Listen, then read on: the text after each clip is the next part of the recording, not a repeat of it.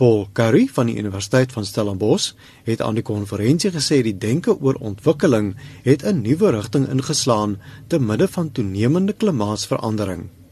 Curry sê openbare deelname en die integrasie van inisiatiewe sal help om 'n situasie teweeg te bring waar sommige pogings sonder katastrofiese gevolge kan misluk. An exciting thing about a lot of the work that I see going on is the creation of enabling environments for experimentation, spaces in which the experiments are actually safe to fail and will not result in calamity for society or for the experimenters.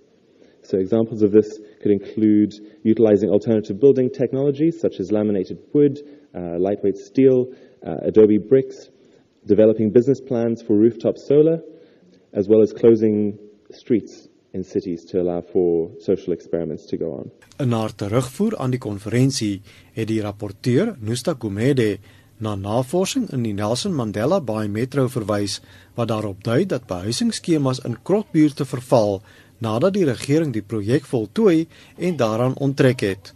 I think we've seen in most cases where we deliver houses lovely clean streets and then for some reason people start to build shacks behind those same units again. That was the entire analogy. The recommendations that he tried to put across was that we engage early, all stakeholders engage early with beneficiary education and consultation. Gumede sê selfs die eThekwini Metro se bekroonde Cornubia megaprojek is nie sonder probleme nie. 'n Navorser van die MUT, Bongi Muyana, het bevind dat mense moeilik in die nuwe omgewing aanpas nadat hulle van die ander kant van die metro hervestig is. Beneficiaries often suffer disconnections for water uh, and electricity and refuse collection is, is a rare occurrence.